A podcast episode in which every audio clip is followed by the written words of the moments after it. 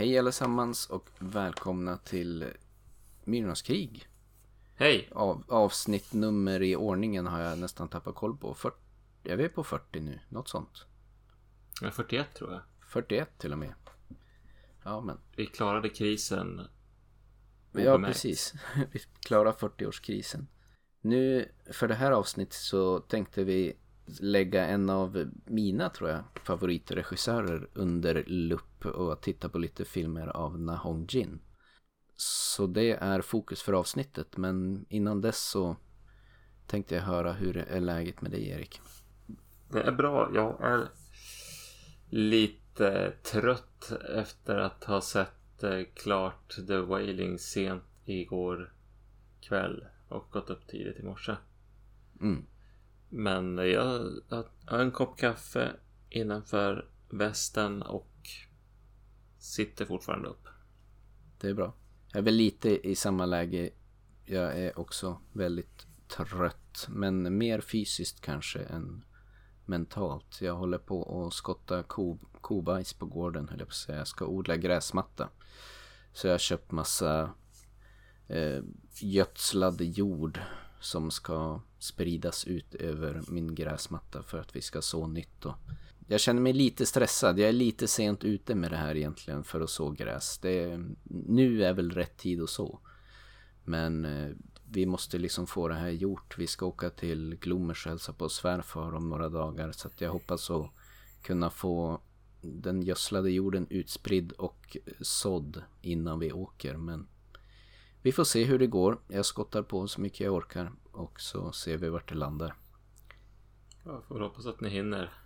Är det eh, surströmmingen som hägrar i Glomers träsk? Jajamän, det är min och svärfars traditionen. Han, eh, han hörde av sig och sa att nu har han säkrat surströmming så att nu är det dags att vi kommer upp och hälsar på. Och vi har faktiskt inte hunnit upp någonting under sommaren heller. Vi, jag har ju inte haft någon semester. Anna har förvisso haft semester men vi har haft så fullt upp med att jobba på huset. Jobbet som aldrig tar slut inser man ju men vi påtar på. Men det vart ju mycket i och med som tjötat som tidigare i podden att vi dränerade om och hela tomten är liksom förstörd. Så vi tar det P om P och bygga altan och bygga ny uppfart har vi gjort och så nu är nästa steg då att odla en ny gräsmatta. Men eh, sen kanske vi får ta ledigt för i år och plocka upp bollen nästa år istället. Jo, ta en paus. Det tror jag är nyttigt och skönt. Ja, och så håller vi på att skola in Greta på dagis nu också. Så att eh, det är ganska kul eh, än så länge. Det har väl gått bra. Fast det är en fritidspedagog där som hon är lite skräckslagen för. Men det har inte varit egentligen någon specifik inskolning med den pedagogen. Än. Men det, det stundar väl snart i veckan. De har någon sorts ambition på den här förskolan att alla barn ska skolas in med alla pedagoger. Så att de inte liksom har någon favorit som de måste ha ifall någon blir sjuk eller far på semester eller så. Så att eh, vi får se hur den dagen går. Han har figurerat lite i bakgrunden någon gång men man har märkt att hela Gretas beteende förändras drastiskt när den här pedagogen dyker upp. Det finns egentligen ingen anledning. Det är någonting med utseendet. Hon påminner lite grann om en bekant till mig som Greta också är jätterädd för. Så jag vet inte vad det där sitter i. Men förhoppningsvis kommer hon över det till slut. Ja, tids nog så fattar hon nog att han inte är illvillig. Nej, precis. Jag har eh, kommit på nu dagen till ära så gjorde jag bibimbap till middag. Koreansk måltid för den som den oinvigde. Ja, och ist- och istället för marinerad entrecote så marinerade jag sån här makdak. Just det. Eller vad man säger, makdak. Ja, det där engelska uttalet. Ja, men det blev eh, fantastiskt gott. Det hade lite marinerade grönsaker till. Ris, stekt ägg. Jag tog lite majonnäs och sriracha sås. Ja, men det blev en höjdare. Jag fick eh, lite The Wailing-känsla när jag sörplade i mig det där. Jag har ändå fått känslan utan att veta egentligen så mycket om koreansk mat att bibimbap är ändå lite så här den koreanska svaret på pyttipanna att det är ändå ganska löst och ledigt med vad man kan stoppa i en bibimbap. Att det är, det är inte jättestrikta regler kring hur den ska konstrueras. Jag vet att ägget verkar alltid vara med och riset liksom, men annars har det varit lite, man tager vad man har väl. Jo, lite standard, lite kimchi, lite soja och sen så har man edamamebönor, då blir det det. Har man böngroddar så blir det det. Mm. Ja men gott. Dagen till ära har jag ätit palt. Så tyvärr har jag ingen koreansk smakupplevelse att skryta med. Ja men det är en smakupplevelse i varje fall. Jag har några paltar i frysen som jag längtar efter att äta någon gång. Mm. Förutom livet höll jag på att säga. Har du hunnit med någon film i, i dessa tider? Förutom det vi ska prata om sen. Jo, lite grann har jag väl hunnit se. Jag har inte sett eh, några, jag vet inte ens om man kan kalla den här Netflix-filmen Run en skräckis. Men den är väl åt det hållet. Det är väl en psykologisk thriller som handlar om Ja men det är väl en, en tonårsdotter som håller på att söka in på college. Men till saken har ju att hon har eh, Hon sitter i rullstol och har diabetes och hon har diverse sjukdomar och allergier. Mm. Och hon bor själv med sin mamma. Och eh, får en känsla av att någonting inte står rätt till. Jag har faktiskt eh, haft den i min att göra-lista. Jag har sett att den dök upp där. Och tyckte trailern såg ändå så här semilovande ut. Jag tycker att det finns eh, stråk i den här. Den, alltså, jag tänker väl formatet och liksom lite grann utförandet. På både liksom hur den ser ut och hur den är. Eh, hur skådespelarinsatsen är så känns det lite grann som en dussin thriller. Mm. Men med det sagt så tycker jag att det var en spännande idé och jag tyckte att det funkade. Det var liksom inget som var dåligt. Eh, sen är det lite så här, ja men vi har en, en mamma som är ensamstående, håller på att hemskolar sitt barn. Men kan ändå bo i en jättefin stylad villa och ha massa odlingar hemma. Ja. Eh, och eh, ha mer ordning på huset än vad jag lyckas ha. Det känns som en klassisk movie trope. Folk är liksom lite för perfekta. Det kan irritera mig ibland. Och vissa saker är lite för tydligt som det är. Men hur den där, eh, deras relation är och utvecklingen i filmen tycker jag ändå var intressant att följa. De två första akterna var väl ändå okej. Okay. Sen tredje akten blev det väl lite ointressant. Mm. Ändå sevärt. Fair enough. Jag har ju också betat av lite grann i Netflix-träsket. Population 436 eller 436. Det var väldigt eh, bara mycket att jag tryckte på en random knapp på någon film, sökte på skräck. Och den affischen som dök upp i Netflix för en tilltalade mig väl lite. Så jag bara okej, okay, fine, vi kör. Insåg ganska direkt att det här kändes inget vidare. Men jag är ändå lite, jag är lite av en completionist. Så att jag var som, ja men nu har jag börjat titta på den här så då får jag lov att se klar den. Men den levde väl upp till min initiala känsla. Den var inte så bra. Men det var ju någon, vad heter det, folkräknare. Kan man jobba som det i Sverige? Men de som håller på med, på med folkräkningen. Som jag tror vi inte har gjort i Sverige på många, många år. Men ibland har man genomfört sådana. Att man helt enkelt går igenom och kollar upp hur många människor bor i landet och vart bor de någonstans och vad heter de etc. För att göra någon sorts sammanställning. Och då är det en, en, en av de här i USA då som ska genomföra en folkräkning som kommer till en liten by. Som eh, alltid i alla folkräkningar som gjorts tidigare alltid har haft 436 personer som bor där. Och där i ligger mystiken då. Då han börjar luska i hur, hur det kan komma sig. Men eh, det var väldigt bet allting.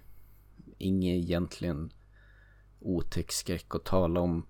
Väldigt torftigt skådespeleri genomgående. Jag tror den starkaste skådespelarinsatsen i filmen stod Fred Durst för, som är sångaren i Limp Bizkit. Eh, han hade en lite mer, aningen mer komplex karaktär än många andra. Annars var det väldigt endimensionellt. Men overall ganska mycket ett bottennapp egentligen. Jag var ju inne och doppade tån i det där men tyckte det kändes så B-TV. Den är väl från ganska tidigt 2000-tal eller något sånt där. Det kanske är det. Är av det. Ja, verkligen. Den kändes väldigt daterad.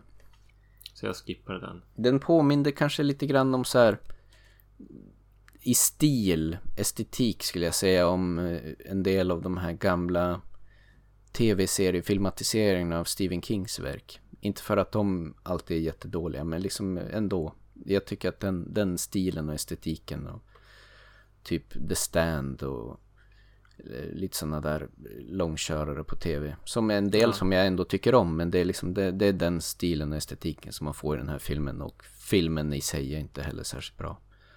Nej men jag, jag håller med. Den, jag, nu såg jag inte så lång tid på den, men det är liksom lite halvbekanta skådespelare som man har skymtat någonstans men inte tillräckligt stora eller skickliga för att ha riktigt fått den, den här karriären som de suktar efter. Mm.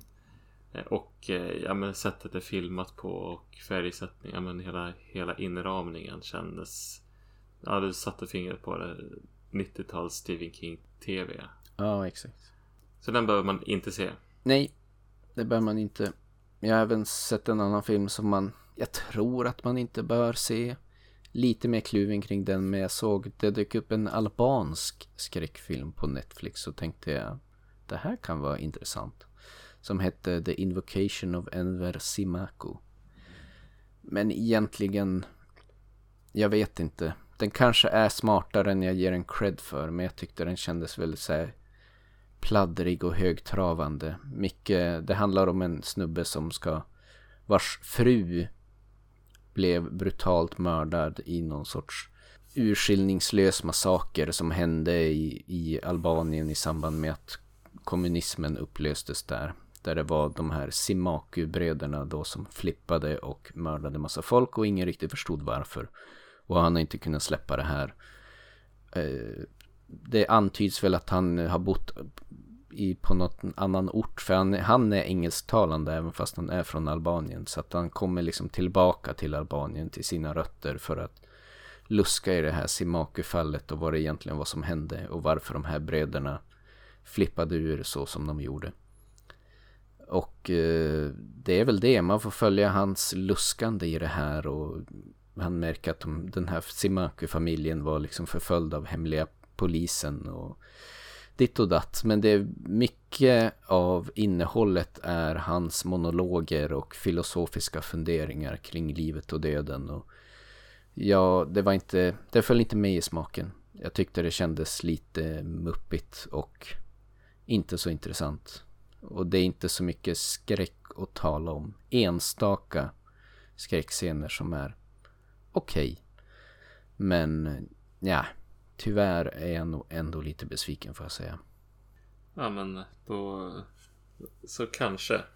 Så kanske. Kanske att uh, Albanien kan vara ett framtida jorden runt destination. Men då tror jag att vi får luska fram några andra rullar. Jag vet inte. Det, det var inte riktigt min kopp av te. Men tycker man om filosofiska rummet och sånt eh, typ snack. Vilket jag kan göra om jag är på rätt humör. Men i det här fallet var jag inte det. Det är väldigt mycket det som är filmen egentligen. Så den här gången var det inte för mig i alla fall. Okej. Var fanns den någonstans då? Det var också på Netflix. Så, men det kanske blir en sån här flash in the pan på Netflix. Jag vet inte hur. Det är inte en Netflix-produktion så vitt jag fattar. Utan det är några rättigheter som de har köpt in. Men ibland blir det ju sådana där filmer som dyker upp och så finns de på Netflix några veckor och sen försvinner de bort igen. Mm. Så är man sugen på något albanskt, det är, det är liksom bara att en albansk film är ju lite intressant. Det är inte så ofta man får tillfälle att se några albanska rullar liksom. Det kan väl ha ett värde i sig. Det passar vårat eh, sinnelag i våra jorden runt resor om inte annat. Ja. Jag var ju snuddande nära att se den här nya Prey på den finns ju på Disney Plus. Mm. Men alltså den här Predator Prequel får man väl säga att det är. Just det. Men eh, när jag skulle gå in, logga in där då var, hade vi inte kvar. Då var inte räkningen betalad. Aha. Så jag kom inte åt den. Typiskt. Annars hade jag haft lite mer att prata om som hade känts lite mer gjort oss lite mer fräscha och aktuella kanske. Ja. Nåväl, ska vi börja hoppa in på filmerna för kvällen? Vi gör så. Jag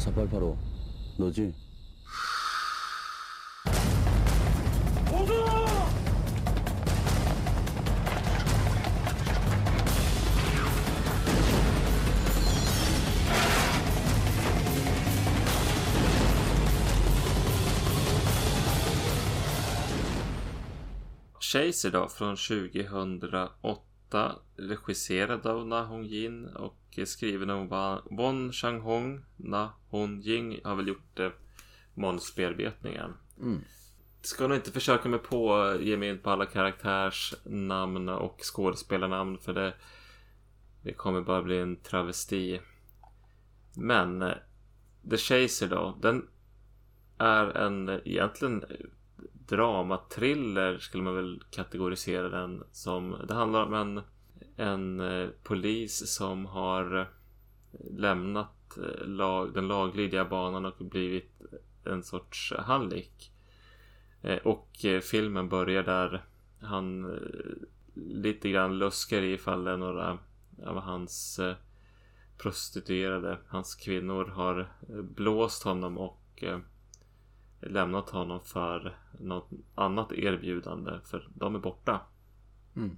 Och bara, ju mer nystar i det här så kommer han väl en seriemördare på spåren. Lite grann. Och eh, det blir som en katt och råtta-lek och en kamp mot klockan. För att eh, rädda en kvinna som han har skickat ut till den här misstänkta seriemördaren. Ja.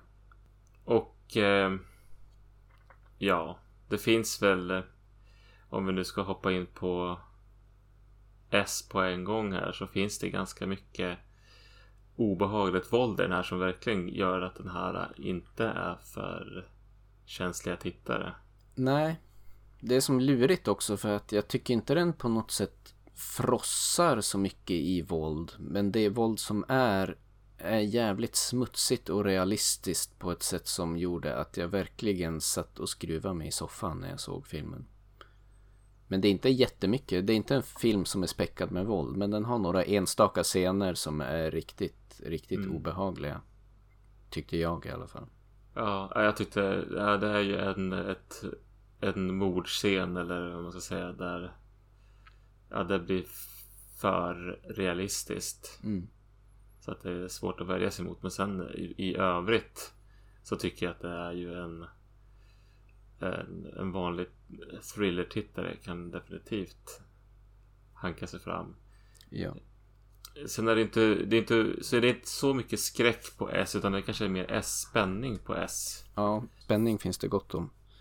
För det är mycket det här sökandet och man, det är nära men ändå så långt borta att det ska kunna lösa sig och det Och det är som en annorlunda struktur också. Vi kommer väl in lite grann kring det på B, men rent hur de bygger upp spänningselementet i den här filmen är lite annorlunda kanske än det man är van vid. jo, Som gör att man vet inte riktigt vad man kan förvänta sig. Det är inte, det är inte någon cookie cutter seriemördar-thriller liksom. Eh, Så det gjorde det i alla fall för mig att det kändes kanske ännu mer spännande än om det hade varit en mer typisk thrillerhistoria. Nej men precis, den, den är ju lite grann, håller den i ovisshet för vad som helst kan hända på något vis. Det är ju liksom, eh, ja vi tar det väl på B, men det ganska tidigt i filmen så får man ju klart för sig att det här har jag ingen aning om vart det ska ta vägen. Ja. Och det gör det väldigt spännande. Vi kanske ska hoppa in på B helt enkelt så kan vi utveckla de tankegångarna lite grann. Absolut.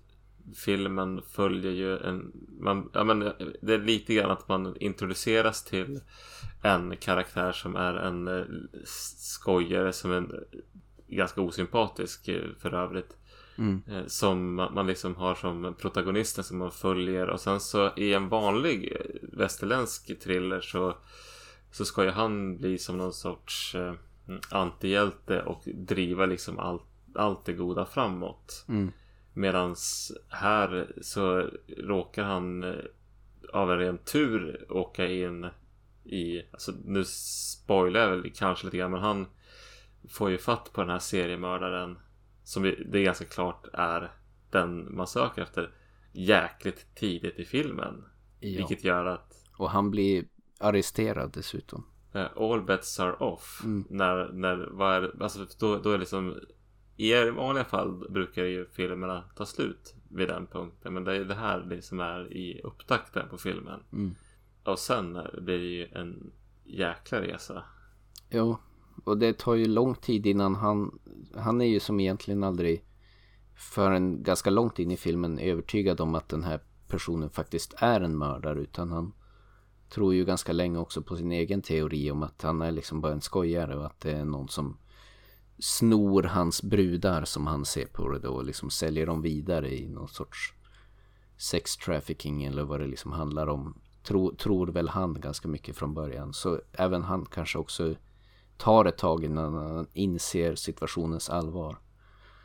Sen tycker jag det också är så otroligt trevligt att Na Hong Jin generellt tycker jag gör det bra men väldigt tydligt i den här filmen med huvudrollen som är komplex och intressant och är smart och samtidigt kan vara dum ibland och kan vara snäll och kan vara elak ibland. Och det är liksom det är inte så här några arketypiska karaktärer utan han har en väldigt bredd. Och ibland tycker man han är jättefrustrerande och ibland är han jättesmart och ibland är han jättesnäll och man verkligen ser den fina sidan som växer fram i honom.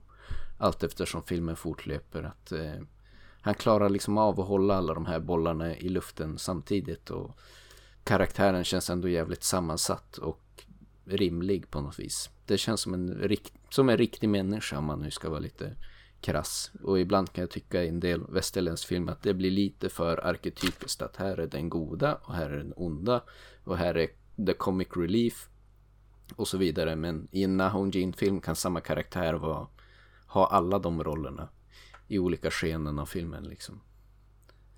Och precis att alla arketyper ryms i karaktärerna. Så att de blir inga arketyper längre. Mm.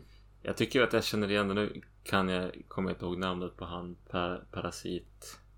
Som också är från Sydkorea. Han, den regissören. Att de har ju lite grann samma förmåga där att göra. Är det, det är Chun Park va? Ja. Oldboy-snubben. Nej, den här andra. Den andra? Okej. Host of Parasite. Han som fick en Oscar. Ja, just det, just det. Just Ja, i det. och för sig, den, du, du har nog rätt. Jag tycker det, det kanske är en som en, de riktigt liksom namnkunniga eh, sydkoreanska regissörerna. Det är en viss stil som finns där som är Ja men karaktärer får vara komplexa, filmer får vara komplexa. Det är, det är inte bara nu gör vi en skräckfilm och följer eh, Jag använder samma tropes som eh, återanvänder det. Utan det, det kan vara ena stunden så har vi en så sitter man och skrattar åt hur dråpligt det är när de sitter på polisstationen här. Nästa stund så är man inne i någonting väldigt mycket mörkare. Mm. Och är, man, de, de, de, de skick, kan växla skickligt mellan polistriller, action, nästan lite skräck och nästan lite eh, komedi.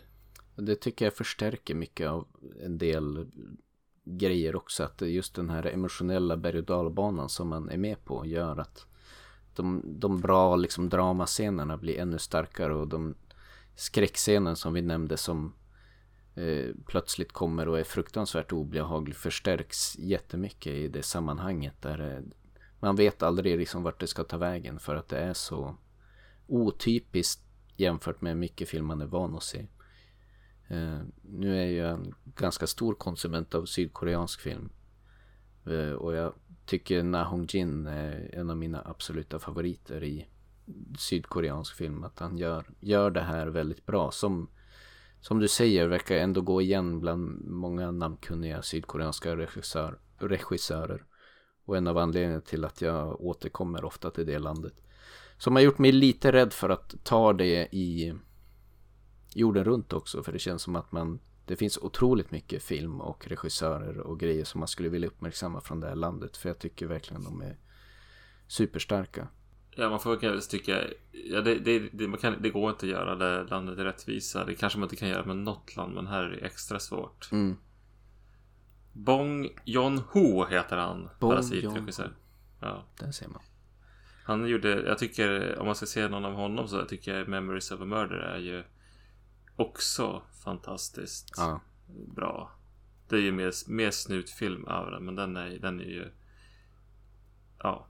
Innehåller några fantastiskt roliga scener när man liksom kan... Ena stunden så snubblar klantiga poliser omkring på en brottsplats. Andra stunden så är det ett otäckt lik och allting är allvarligt. Mm. Och det, det håller ändå balansen. Mm. Om vi går vidare på... Är det något mer vi ska ta på B? Nej, jag vet jag vill, jag vill ju gärna inte spoila så mycket. För jag Nej. tycker den här filmen är, är riktigt bra. Så att vi kanske kan jobba vidare och nöja oss med att säga att berättelsen i den här filmen är väldigt, väldigt stark. Den är superbra. Men om man går in på A då. Så får jag väl återigen säga att jag är imponerad. Jag tycker det går väl också igen i mycket sydkoreansk film. Men eh, det är ofta liksom egenskriven musik. Får jag känslan av i alla fall. Nu kan inte jag så mycket om sydkoreanska kompositörer. Men det känns som att det är ofta filmerna och så även den här har ett ganska unikt soundtrack som jag vet inte, det ger som en nivå av klass jämfört med om man bara har köpt in massa licensierad musik som man känner igen. Att det, det är ofta bra men det är Ja, och så även här. Jag vet inte riktigt vart jag ville komma med det, men musiken är bra. Jag nöjer mig kanske med att se så. Den sticker inte ut något vansinnigt utan men snarare att den eh, förstärker känslorna i filmen på ett bra sätt. Mm. Fungerar som en bra kuliss. Sen är jag ju väldigt förtjust i hur den här eh, filmen är filmad. Den, jag tyckte, alltså jag, jag någon gång för länge sedan tänkte jag, började jag ju se på den här. Sen så blev det väl inte av att vi såg på den i podden. Så vi gjorde inte. Jag såg inte klart den. Men jag, redan tidigt i filmen så fastnade jag för den här. Ja, men det är väldigt bra ljussatt, väldigt snyggt eh, färg... Vad ska man säga? Färglagt. Det är som fina färgtoner. Mm. Och eh, jag gillar också... Det är filmat på ett sätt att eh, man är en... Man får vara i en miljö. Men vi är i Seoul. Och jag gillar att vara i den miljön och vistas i, i det här eh, myllret. Mm. Även om det är snyggt så är det också ganska liksom smutsigt och känns jordnära höll jag på att säga. Det känns äkta Mm. på något vis. Eh, som jag gillar. Och även hur, ja men till exempel en del av jaktscenerna i filmerna.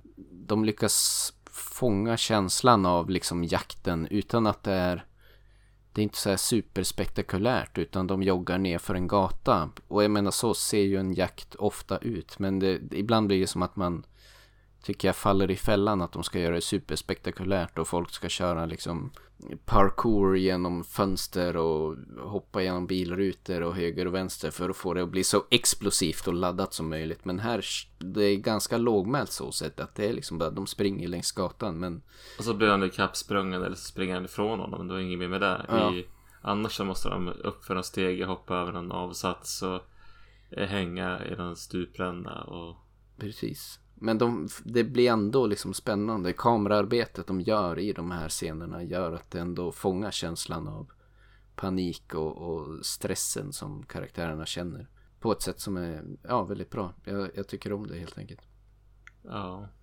Ja men, eh, ja, men som sagt. Det, det, det är bra klippt och bra filmat. Det, det känns helgjutet tycker jag. På det audiovisuella planet. R. En stark rekommendation skulle jag säga. Ja, visst. Jag hade ju inte sett den här filmen innan. Jag har liksom haft den on the back burner. Men eh, med, i och med att jag sett eh, The Wailing då som jag tyckt varit helt fantastisk. Men vi kommer dit. Så då har jag tänkt att jag måste ta, ta mig an The Chaser någon gång. Men det är som aldrig riktigt blivit av. Men eh, gud vad jag är glad att jag tog mig för att se den till slut. För jag tycker också att den var Superbra. Jätte, jättebra. En av de bättre filmerna jag har sett på länge faktiskt. Ja men det är en väldigt trevlig snutfilm, drama. Det, ja, jag vill inte avslöja för mycket. Men jag tycker det känns som att Ja men det är som just den här, man märker det. Alltså det är, han är ju jättebra skriven huvudkaraktären. Han är en, en elak hallick och man kan verkligen förstå att han är en hallick. Men han är, man märker också att han är en smart polis. Mm. Det, det är liksom, det, jag kan, ja det, jag köper det. det. Och det är så kul att se det. Eh, och den här, i den här spännande berättelsen.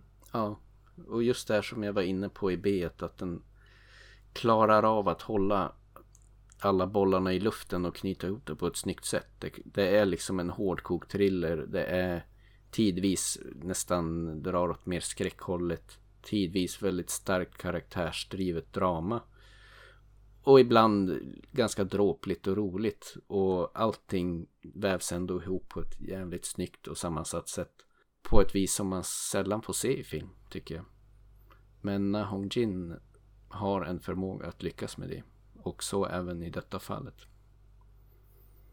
Ja, den är inte så svår att få fatt i på streaming. Det är diverse streamingtjänster som har den på pay per view.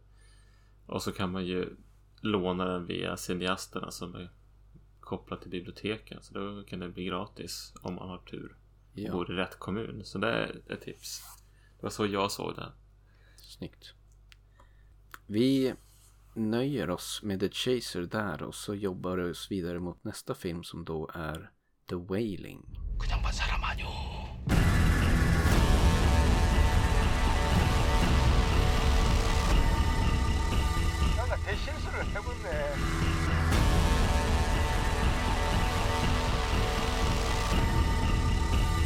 여긴 못 들어온 게.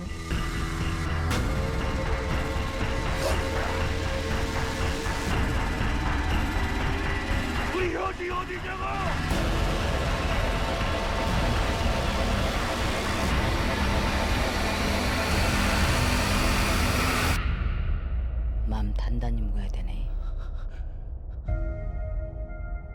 The Wailing då från 2016. Som avsnittet antyder också regisserad av Na Hong Jin.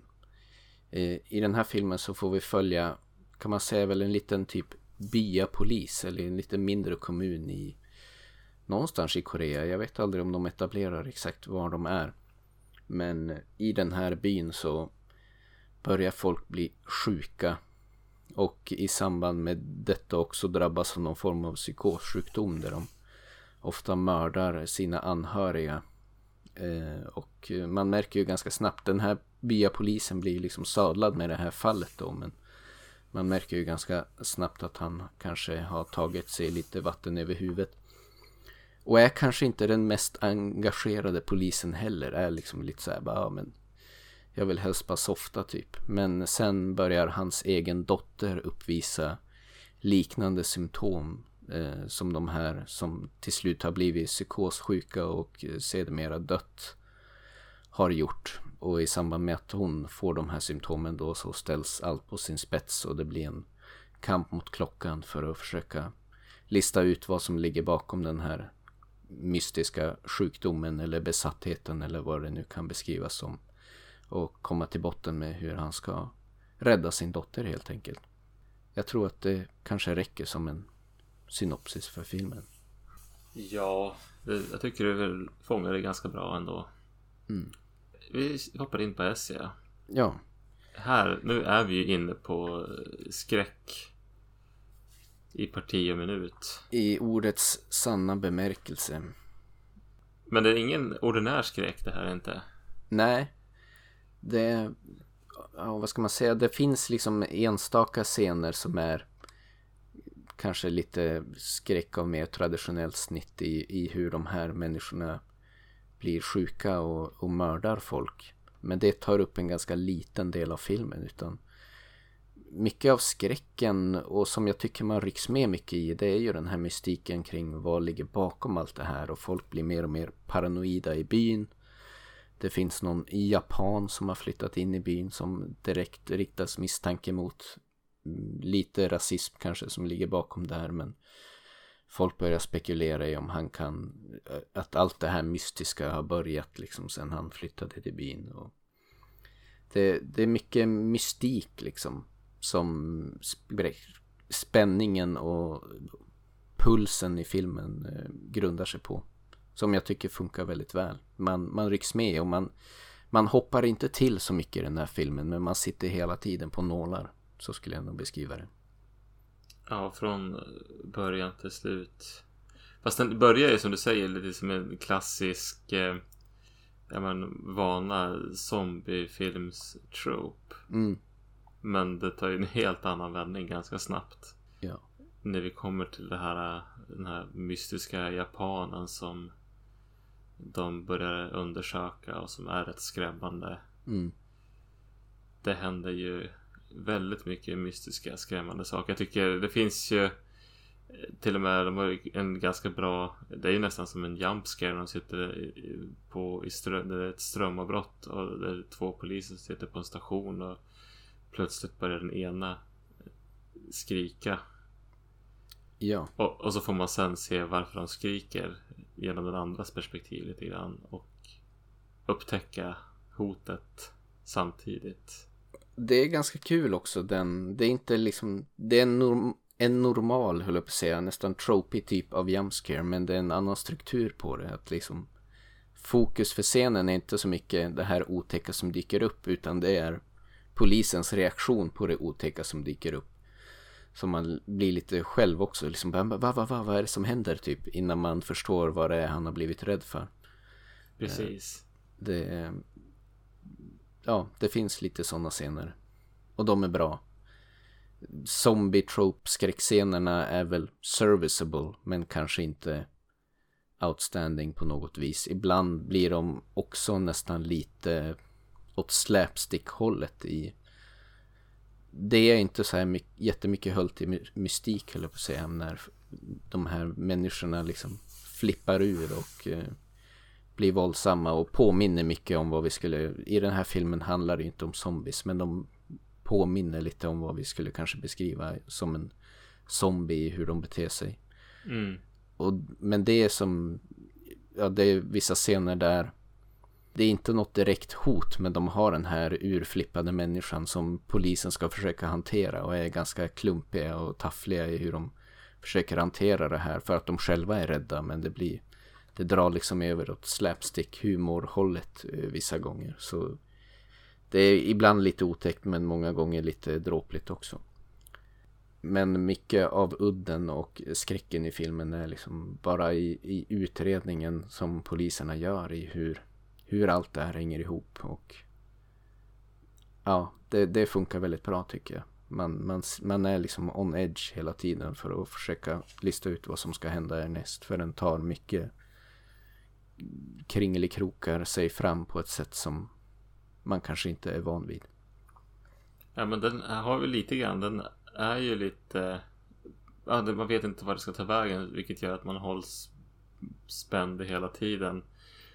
Plus att det här mysteriet, det känns också som att det hela tiden blir ju mer de ju mer man det utvecklas och man dras med i det desto otäckare blir hotet på något vis. Mm. För att det är som, ja men nästan lite grann som ja, det kanske är en överdriven liknelse men det blir nästan lite H.P. Lovecraft över att det blir som på ett sätt att, ja men det, det första är lite mysterium och att det skrapas på ytan. Och man förstår bara att det är nästan ännu svårare att begripa. Och man förstår också hur illa förberedd den här våran kära huvudroll är för att hantera det här. Han är verkligen tagit sig vatten över huvudet men försöker ju på sitt lilla klumpiga sätt ibland ändå göra det bästa av situationen för att kunna hjälpa sin dotter. Men famlar ju i mörkret bokstavligen många gånger.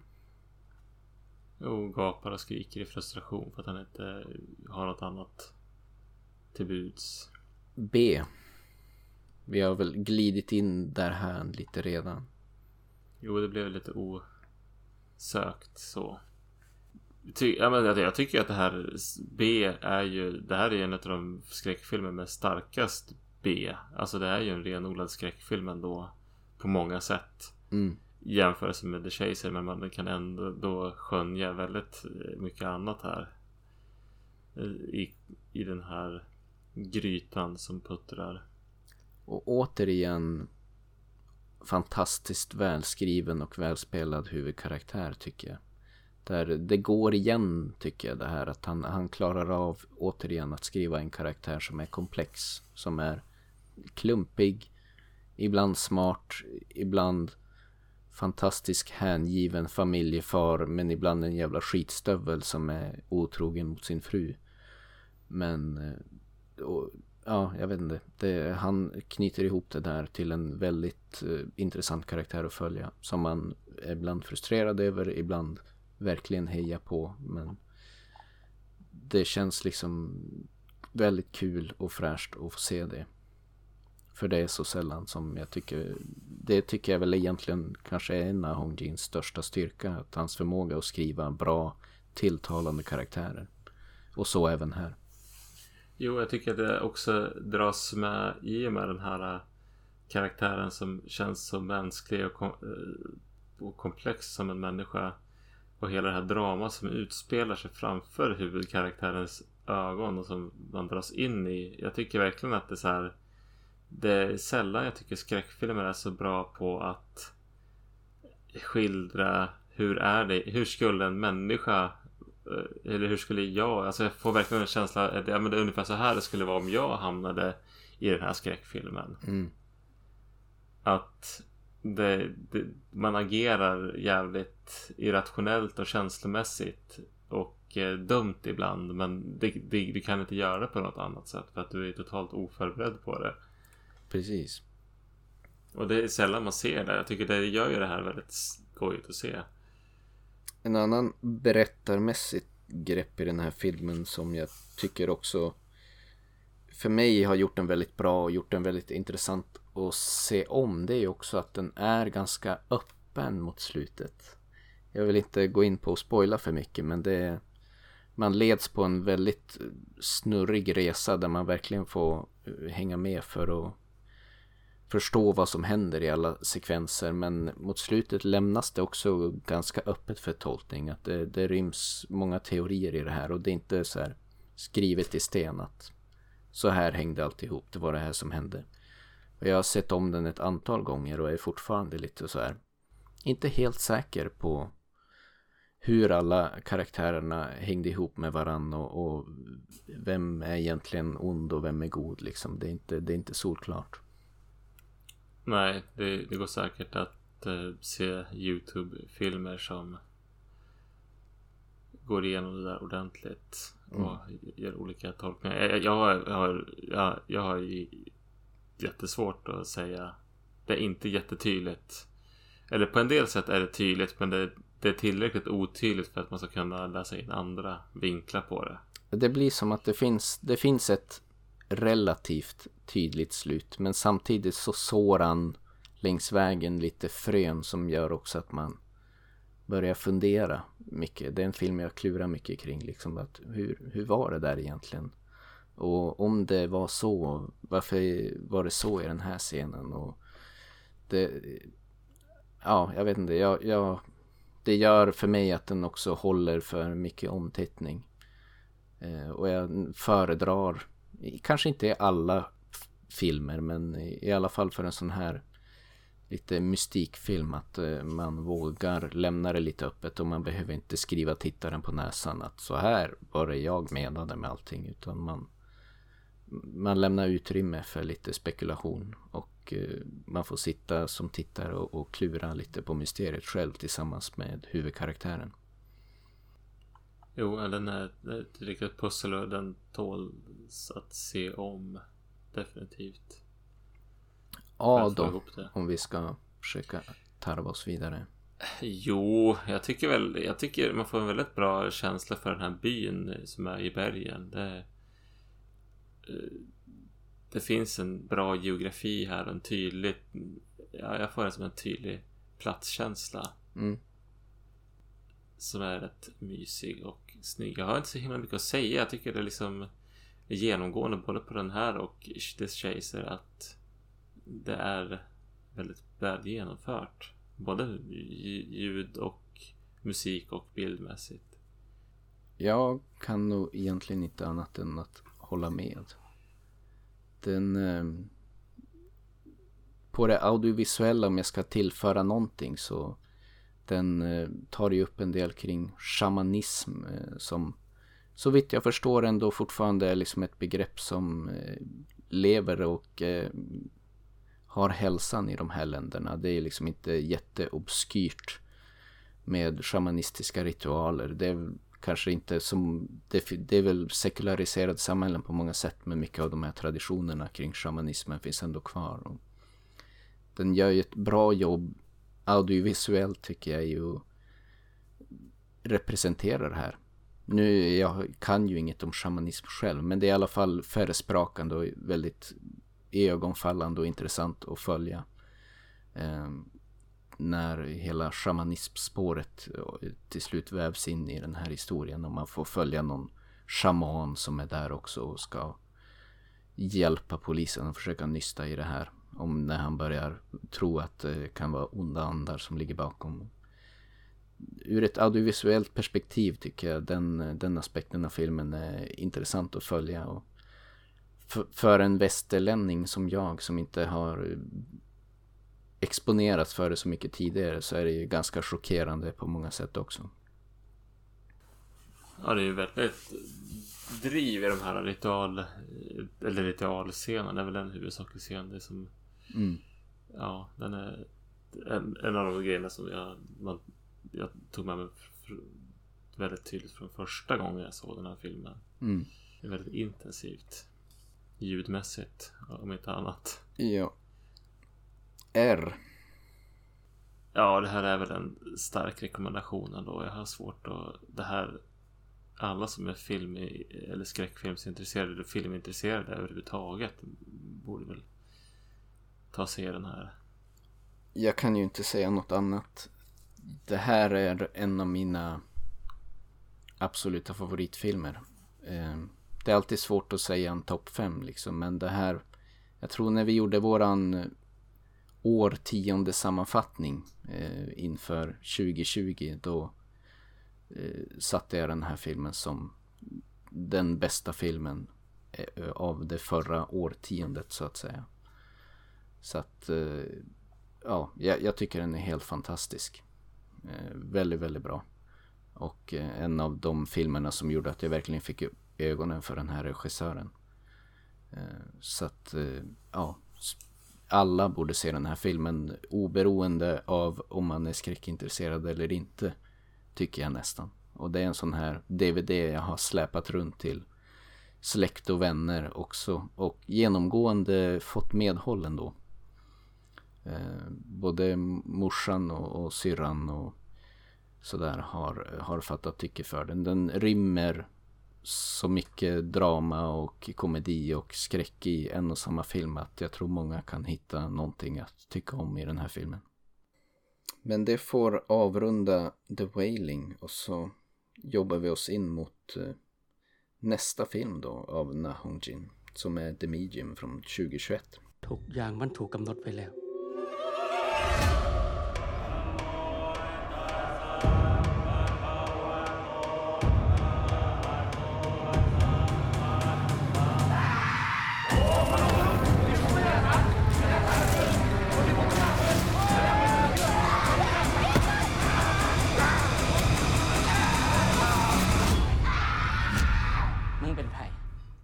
The Medium från 2021. Här har han inte regisserat men han står väl för en del av eh, manusbearbetningen. Mm. Den som har eh, regisserat, det måste jag kolla upp, det är ju han... Banjong Pisantankun. nu slaktar jag hans namn, men han låg väl bakom Shutter bland annat. Ja, men precis den här thailändska filmen. Men eh, det håller sig ändå till kvällens tema eftersom vi har manus av vår stora idol. Ja.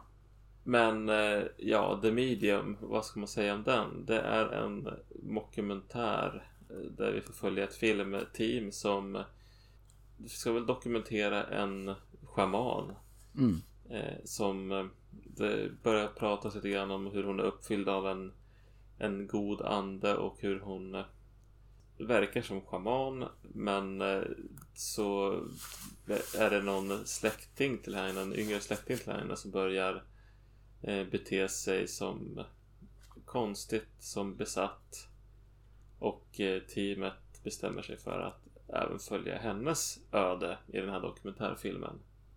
Och de antyder väl också att det är liksom i den här släkten som båda de här tillhör så har den här anden mer eller mindre gått i arv.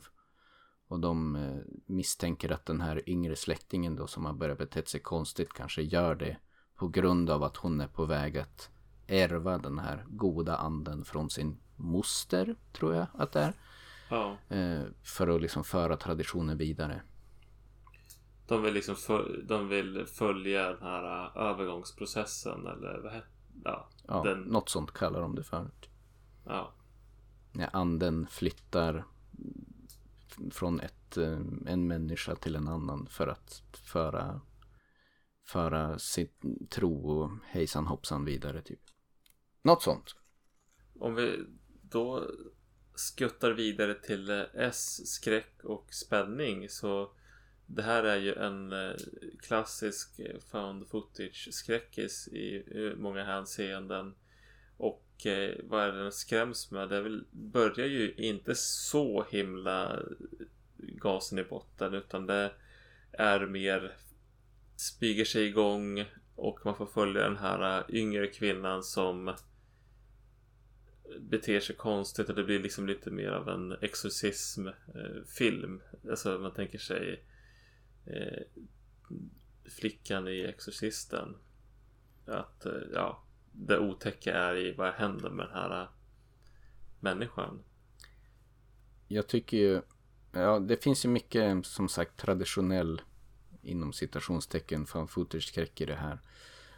Som är i och för sig helt okej gjort. Men lite, det blir lite mycket liksom. Det är som du säger, den börjar som en slow burn och gör sig nästan bäst när den stannar där någonstans tycker jag. Att när hon börjar uppvisa så här lite symptom men de ändå antyder att det här är liksom en god ande och det kan vara en jobb, man förstår att det kan vara en besvärlig process som kan innebära stora prövningar för den som ska bli besatt av den här goda anden. Men när den börjar ta så här små svängningar, bara som en liten scen när hon puttar något litet barn som bara kommer lite arrow left field tyckte jag eh, var ganska obehagligt. Men sen spårar det ju då mer och mer och hon blir mer klassiskt exorcismen besatt kind of. Och en del av de scenerna är bra men man har lite grann sett det förut och de mjölkar det ganska mycket mot slutet. Jo men jag känner att det är som att de har en, eh, när de väl kommer igång så tycker jag det känns som att det trappas upp lite för snabbt också. Ja, Att det som går från eh, att ja, det händer inte så mycket under ganska lång tid. Sen så kommer det ett snäpp som är lagom och sen kommer det några stora steg och sen så är det som att för att övertrumfa det så måste det liksom hålla på hela tiden. mm. Och det tycker jag förtar lite grann. Och det blir förtar lite grann skräckkänslan och det blir lite grann tradigt och eh, det är ganska mycket eh, återanvändning av gamla tropes. Ja. Om jag ska säga någonting, eller någonting, det fanns väl fler positiva saker, men en, en positiv sak tycker jag hon, huvudrollsinnehavaren, eh, Narilja Gulman Kolpec läser jag nu, uttalas säkerligen inte i närheten av så, men Mink, den här yngre kvinnan som blir besatt. Hon gör ju faktiskt ett ganska bra jobb. Jag tror får känslan av att väldigt lite som involverar henne är liksom trickfilmat utan hon är bara ganska skicklig och eh, arbetar hårt för att ge ett obehagligt intryck och lyckas med det många gånger ändå. Utan att man eh, förlitar sig på eh, så mycket kameratricks och grejer utan man bara filmar henne när hon beter sig obehagligt och har liksom ett obehagligt sätt att röra sig på. Hela den grejen tycker jag hon, hon lyckas bra med. Jo, det är ju det här inför den här ritualen så händer det ju Ibland är det lite överdrivet men ibland är det ju riktigt eh, bra fysiskt skådespel. B då? Ja, men kan vi börja med de bra sakerna med B och jag tycker ju att det finns eh, Ja men vi får ju, det är ju den här dokumentärfilmen och man får, det finns några utmejslade karaktärer som är kul att eh, bekanta sig med. Vi har ju den här eh, kvinnan som är schamanerna följer först som jag tycker är ganska verkar som rätt kul att bekanta sig med. Mm. Eh, jag har inte så mycket att säga om henne som karaktär men att det liksom Ja men det, det var kul. Och så finns det de, alla de här eh, bifigurerna som ja, De bor ju i någon sorts Jag vet inte, alltså hon eh, Huvudschamanen eller säga, som vi träffar först Hennes syster Bor ju tillsammans med Mink Och sen så med något yngre par Jag vet inte hur de är släkt med varandra jag undrar om det är hennes bror eller något sånt där. Det är lite lurigt. Men de, det är en liten udda familjekonstellation under ett och samma tak i alla fall. Eh, jo men precis, men det är så kul hur de här Ja, de här karaktärerna som Ja men det, det, de är rätt så roligt skrivna ändå. De, är, de känns o, ovanligt bra gjorda för att vara i found footage. Ja. Det måste jag ändå tillstå. Jag tänker mig, nu är jag ju fanboy men jag tänker mig att Na Hong Jin lyser igenom lite här i, i mycket av karaktärsarbetet. Men jag vet inte riktigt hur mycket han har legat bakom i det. Men det är som du säger, det är som att det är en ganska traditionell found footage men med eh, en del kvaliteter som man sällan ser i en found footage-film när det kommer till karaktärsarbetet och, och lite sånt. Jo, de karaktärerna har som ett, ett, ett liv och eh, som rimliga drivkrafter på något sätt och har Ja men de har lite intressen som de gör där. Det är, liksom, det, det är inte bara nu ska vi ut och skrämma upp tittaren utan det är liksom det förs. De har ett liv vid sidan om på något vis. Mm. Vilket är väldigt ovanligt i found footage framförallt. Jag tycker ju förutom det här som du är inne på att det, det är ganska trevligt att förkovra sig liksom i, i den här familjen och i kulturen i stort. Men rent storymässigt om man ser strukturen så tycker jag det är lite så här Även om jag nu tidigare sa att jag gillade slow burn stadiet eller som du ser det kanske finns ett mittenstadie som var liksom lagom. Så var det ändå att det var som lite tradigt på ett sätt för man etablerade ganska fort att Mink var på väg att bli besatt. Och man var som ganska snabbt på det klara med att det var här åt det barkar och så satt man ganska lång tid i filmen bara och väntade på att det skulle hända som man lite grann kände som att man visste att det skulle hända. Eh, så jag vet inte, det, jag tyckte det ändå blev lite långtråkig bitvis den här filmen. Tyvärr. Ja men det är för att den eh, ska väl ha den här mockumentära. Det, det är väl att man vill ändå liksom vagga in tittaren i Ja, det här är en dokumentärfilm som skildrar eh, shamanism. Och mm. då kan man liksom inte driva his historien framåt. Utan man måste först etablera formatet på något sätt. Och liksom, ja men det här är en mockumentär. Vi måste liksom berätta det som den berättelsen som mockumentär eller den ja, mockumentären vill eh, berätta. Och det är ju liksom en, en, en en begränsning i formatet. Men jag tycker att det är bra att de försöker göra det. Men det blir också lite tråkigt. Ja. Ja och det är ju visuellt då?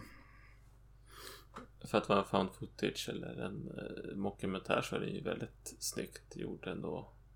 Ibland känns det som att de fuskar lite grann. Jo, Om man nu ska vara så här puritan när det kommer till found footage-formatet. Att det blir som lite orimliga kameravinklar. Många gånger är det som ändå att de etablerar att ja men nu har vi installerat extra övervakningskamera här för att kunna fånga ditt och datt. Men i vissa sekvenser lider den lite av det här att särskilt när det spårar på slutet att det är liksom helt urflippade läskiga händelser som händer för de här dokumentärfilmerna men de har ändå fullt fokus på att nu måste vi få bra bilder på det här och i deras döende ögonblick måste de ta liksom den här selfiebilden som är klassiskt trope i found footage men är ganska störigt och känns ganska orimligt många gånger jo det var ju väldigt mycket av det i slutet på den här filmen. Mm. Det måste man väl skylla på regissören. Och ja, nej jag vet inte. Jag tycker när de etablerar liksom miljön, kulturen och så vidare så gör man det väldigt bra. Det är intressant. Det känns som att nu ska vi få vara med om något nytt och spännande och det är liksom, jag gillar det hur de presenterar landet och shamanismkulturen och så vidare. Och det, Ja, det är väldigt snyggt, det är fina miljöer, det är det, det, det är det känns som autentiska prylar som de pyntar med. mm, Och eh, så där tycker jag är starkt. Jag tycker som det audiovisuellt, ja det är bra för att vara Ja det är hyfsat bra i största allmänhet men i synnerhet för att vara en found footage. Ja.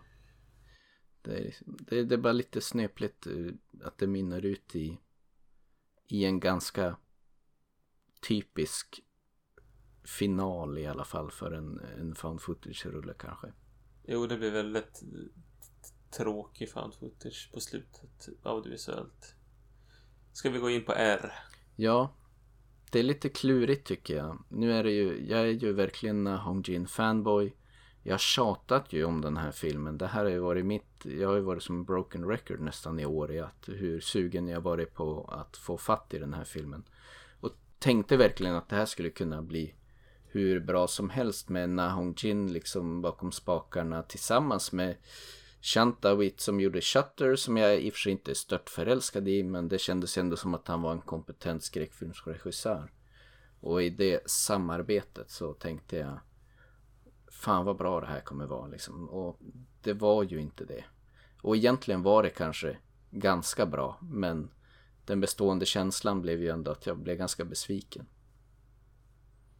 Jo, jag hade lite högre förväntningar och sen ställer man den här mot de andra två filmerna vi har kollat för det här avsnittet så är den ju väldigt blek. Ja. Så jag, jag är lite svårt att veta hur man ska skulle man ställa den här filmerna mot andra found footage-filmer jag sett så är den nog egentligen rätt okej. Men eh, jag liksom hade Nahong Jin mot stocken och The Wailing att jämföra med som en av mina absoluta favoritrullar och då bleknar den ju fort alltså. Så jag är lite, jag är kluven. Om man är väldigt sugen på en fan footage-rulle eh, så är det här väl ändå ett okej alternativ.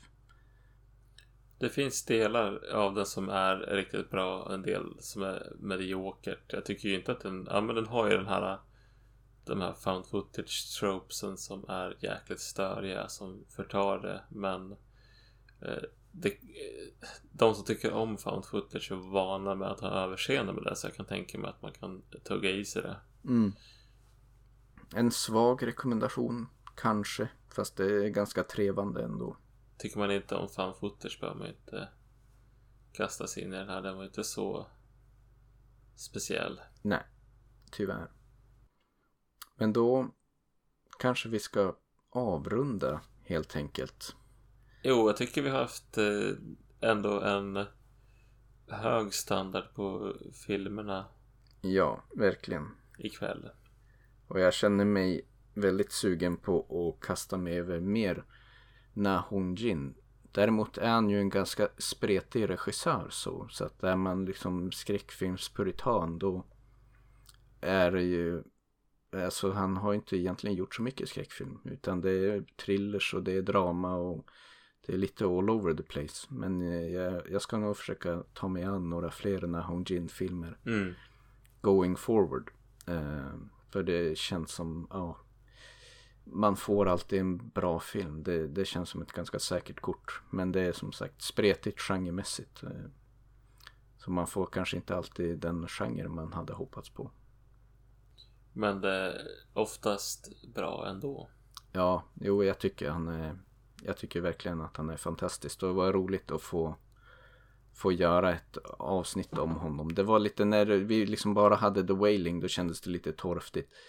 Det var i och med att The Medium kom som det kändes, ja men här har vi ändå två klockrena skräckfilmer, nu kan vi göra ett Nahong Jin avsnitt. Sen kom Chaser lite mer på köpet, men tyckte jag ändå absolut ryms inom ramarna för eh, Myrornas krig. Eh, för, just för att den hade så riktigt, riktigt otäcka skräckscener. Eller skräckscener, mordscener om man ska kalla det. Även om det kanske egentligen inte är en skräckfilm. Eh, så det var kul, kul att få göra ett Nahongin-avsnitt. Jag har ju hypat eh, The Wailing om inte annat. Väldigt mycket och varit sugen på The Medium länge. Synd att det var lite av en eh, besvikelse efter att jag har varit så, så sugen på den här filmen så länge. Men i övrigt, fan, fantastisk regissör, verkligen tycker jag. Ja, det är bara att tacka och ta emot. Vi får väl se vad som kommer härnäst. Jag vet faktiskt inte vad han har på radarn. Nej, inte jag heller. Det visar sig. Ja. Vad har vi på radarn då? Det är också lite oklart. Jo, nu känns det lite tomt här. Oktober är väl Halloween. Vi förväntar oss väl en avslutning på Halloween-triologin. Så det är väl mer eller mindre spikat.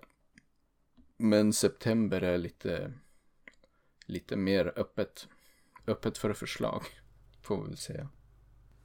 Om det finns någon lyssnare där ute som har ett bra förslag på en eh, high school skräckis.